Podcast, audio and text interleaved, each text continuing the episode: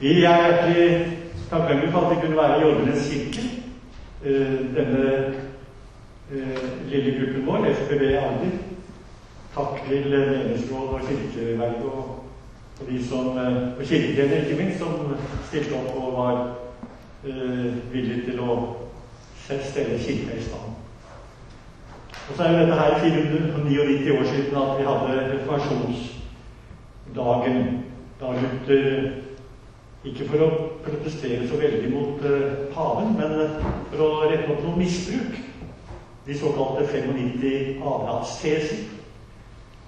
Det er litt diskusjon om det var på døra i Wittenberg, eller om det var antagelig så brukte han vanlig høflighetsregel at han sendte disse 95 tesene til bisk, den lokale biskop. Det var tjenestevei, og det var, det var høflig på den tiden. Og nå skal vi dvele litt ved den teksten som er satt opp på reformasjonssøndagen, eller reformasjonsdagen, i Rombrevet kapittel 1, vers 16 og 17. For jeg skammer meg ikke over evangeliet. Det er en Guds kraft til frelse for hver den som tror, jøde først, og så greker.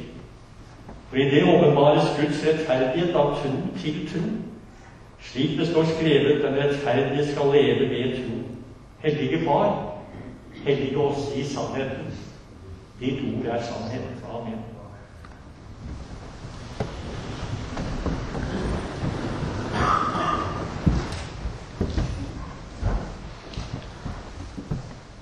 Det er en bønn som jeg praktiserer og ber, og jeg tror den er veldig riktig. Herre, gi meg en sann synserkjennelse og en sann glede over syndenes forlatelse. Og så hadde jeg lyst til å føye med en gang, som en liten disposisjon da, for at vi, eller jeg, med glede kan gjøre Guds vilje, slik han har forklart oss i katekismen i de, i de ti bud, en forklaring.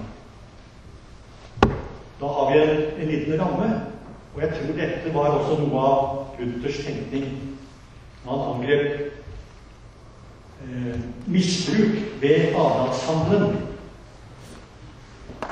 Han sier det slik Å forvandle kirkestraff til skjærskilsstraff var det, var det de gjorde. De brukte de tidlige straffedommer, og så, og så forvandlet eller så, så utga disse avlandshandlene til å være gjelde de evige eller, de, eller straffen i skjærskilt etter døden. Så sier Luther i den tesen å forvandle kirkestraff til skjærskilsstraff er visselig en klint som ble sådd da biskopene så. Det var kanskje litt humor med det, men ellers var det veldig alvorlig. Og i, i Adas uh, tese nummer 27 der står det de som sier at sjelen flyr ut av skjærsilden så snart pengene klinger i kisten, forkynner menneskelærdommer. Så Luther ville altså ha en diskusjon om dette her. Og dette her var ikke bare folk for allmennheten, men det var for de lærde. Det var ikke spøk. det var ikke å disputere på latin. Det var ikke hvem som helst som kunne gjøre det. Riktignok så sies det at professor Wisløff han kunne disputere på latin. Og han har vi da brukt som lærebok, eller grunnbok, i dette i, i, vår eh, sammenheng. Vi har hatt noen gruppesamvær hvor vi har gjennomgått mye av denne Martin Luthers teologi ved Carl Fredrik Bisløff. Meget, meget leseverdig eh, stoff. Jeg kommer nok til å øse litt av det nå. Jeg skal prøve å legge litt ut om akkurat dette som har med denne teologien å gjøre. Reformasjonsteologien.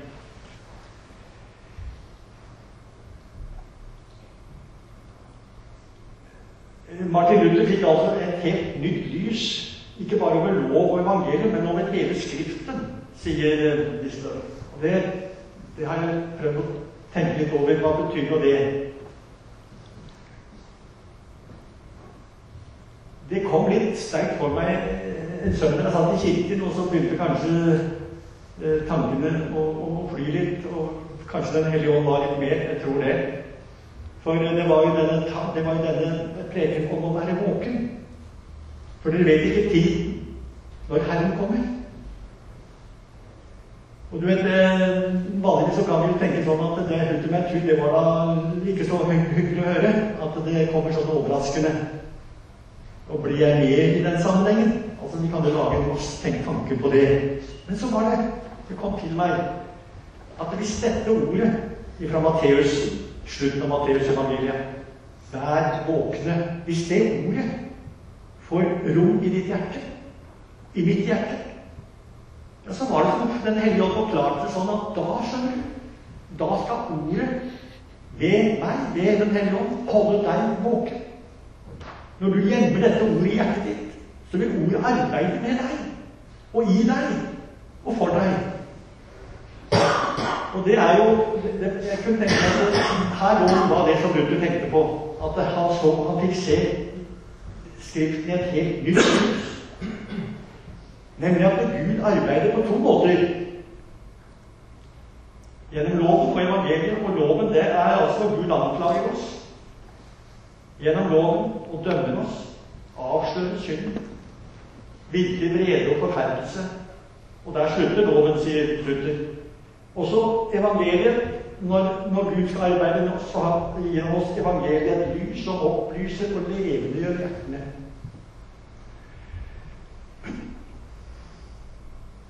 Og hvorfor gjør han det? Hør nå. Det et, er et forratt. Det må vi få tak i, ellers så kan det bli liksom sånn litt vel teoretisk, kanskje, men det kom i hvert fall eh, sånn for meg, og jeg tror det er dekning for det i Skriften, for at vi med glede kan gjøre Guds vilje. Slik den er foreskrevet oss i de ti bud. Og slik som Luther har forklart oss med forklaring. Det er hensikten med at Gud rimmer deg for alt ditt eget. Så du må hjelpeløst falle ned på dine knær og rope Kyrie eleison, hvisker om meg, Gud. Og, men, men hør nå, han stopper ikke der. Han vil ikke bare ribbe deg.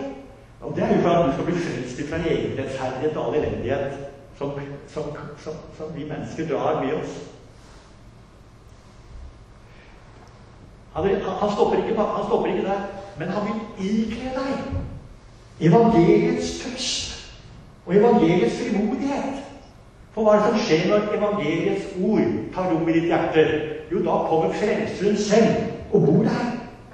Og da kan Paulus med frimodighet si alt formår jeg i seg selv Nei, alt formår jeg i Ham som gjør meg sterk. Det, det, det, det, blir jo et veldig, veldig perspektiv på hvordan Gud arbeider med oss.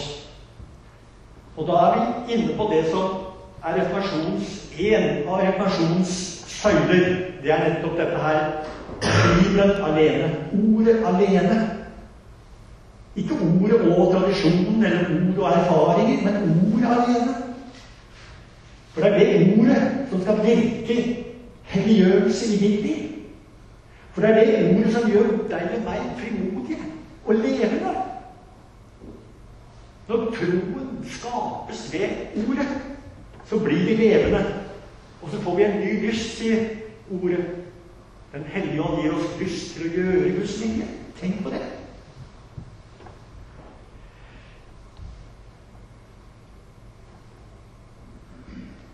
I den første tesen av avlatstesene så står det, så sier Luther Da vår Herre Jesus, Herre Mester Jesus Kristus, sier 'gjør bot', så vil han de troendes hele liv skal være en bot.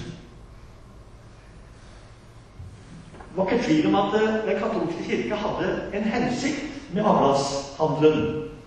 Den skulle aktivisere det kristne liv. De skulle styrke Peterskirken ved å gi gaver til Kirken eller kjøpe avlatsbrev. Og dette her ble jo rammet inn i det kristne liv, for det var, skulle være en from gjerning.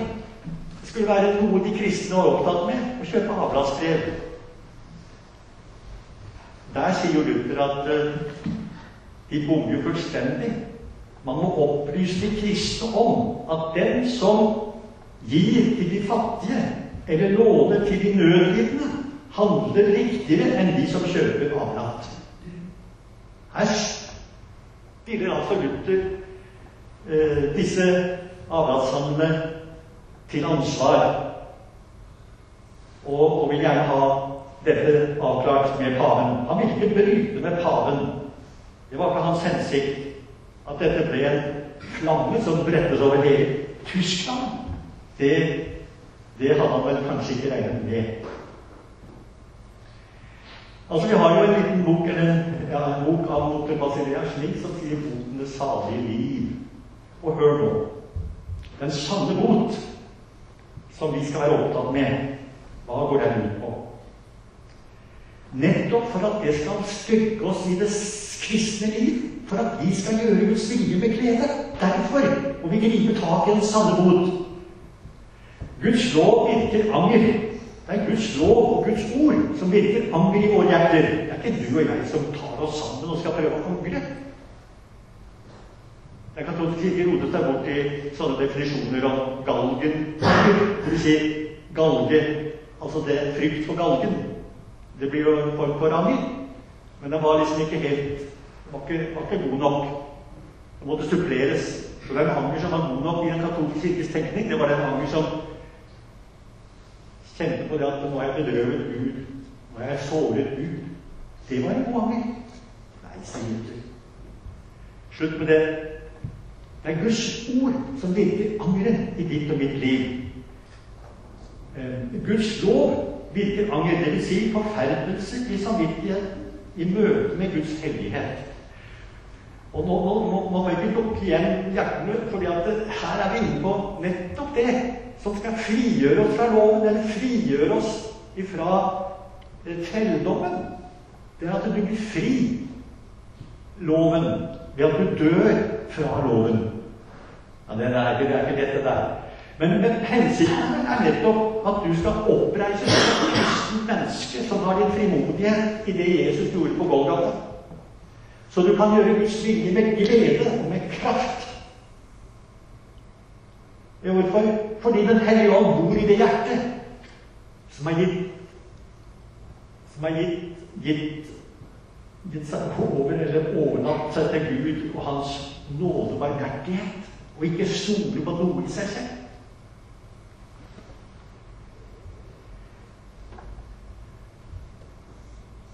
Så lenge vi lever, skal Guds lov og evangelium tale til oss, bøye oss ned, bøye oss og reise oss opp igjen ved troen, sier Martin Luther. Og det er jo det vi altså lærer i dåps eh, Forklaringen til dåpen, hva betyr å være bedømt? Jo, det betyr at den gamle Adam skal stadig dødes og druknes daglig anger og tro. Så at et nytt menneske kan stige opp og leve for Gud å gjøre Guds vilje. Vi, vi, må, ikke, vi må, ikke, bli der at det, nei, det er håpløst, vi kan ikke gjøre Guds vilje, for vi er så skrøpelige. Ja, vi er skrøpelige, vi er så skrøpelige at vi må dø fra oss selv for at Gud kan skape noe nytt. Som er etter hans vilje. Og, og, og, hensikten med det er jo at Gud selv har bolig i mitt hjerte. Slik som også Paulus vitner om jeg skammer meg ikke om evangeliet. Det er Guds kraft til frelse for hver den som tror, jøde først, og så grek. Og evangeliet det åpenbares i det som ingenting er, for å gjøre til skamme det som tror det er. For i det åpenbares Guds rettferdighet av tro til tro, slik det står skrevet med rettferdig skal leve ved tro. Er det noe Luther understreker, så er det det at det som behager Gud i vårt liv, det er vår tro. Den Han selv har skapt og lagt inn i vårt hjerte. Og når troen er der, så blir også gjerningene vel behagelige for Gud.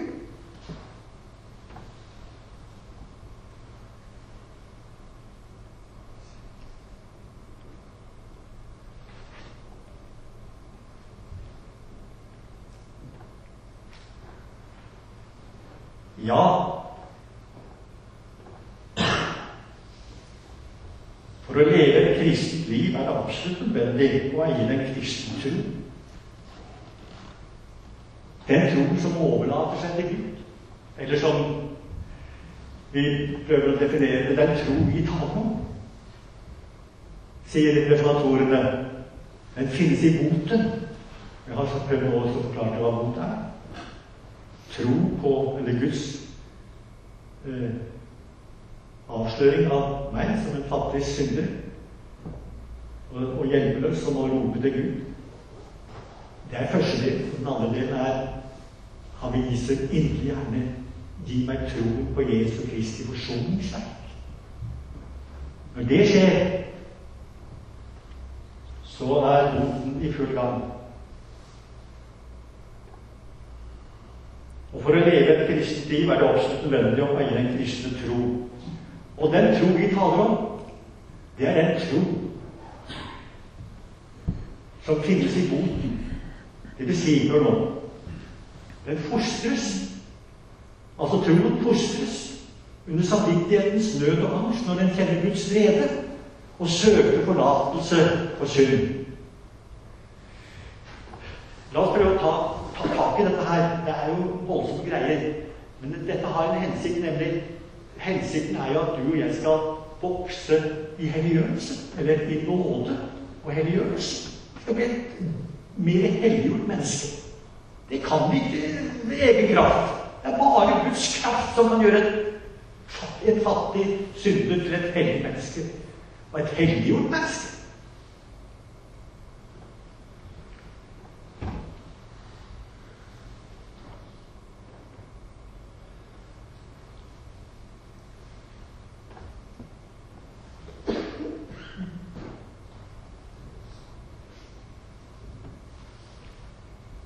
Bot betyr ikke å bli frommere med hensyn til det ytre liv, men å sette sin lit til Guds godhet, Kristus og tro på syndenes forlatelse.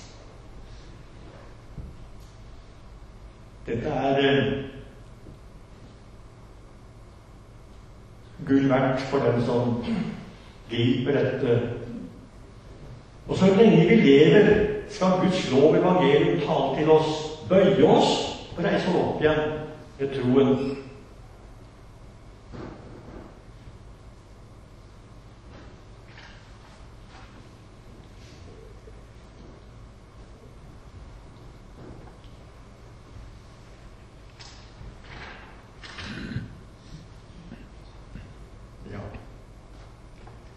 så skal vi ikke bli så forundret da om I og om Gud kaster anfektelsen, eller sender anfektelsen innom oss, og vi blir så fattige oss selv.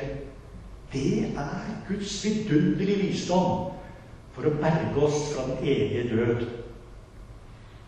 Da skal du takke Gud for det som kommer i din vei, som gjør at du må stoppe opp og tenke hva vil Gud med det han nå har sendt?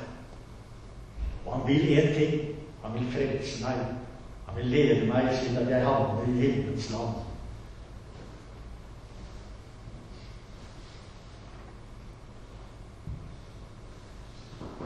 Ja De ti bud inneholder den guddommelige lære om hva vi skal gjøre for at vårt liv skal behage Gud.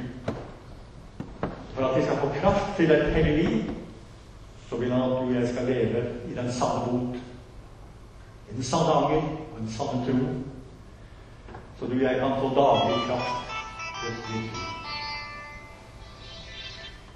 Ære være Faderen og Sønnen og Ånden, som var og er og blir en sann Gud fra evighet og til evighet. Amen.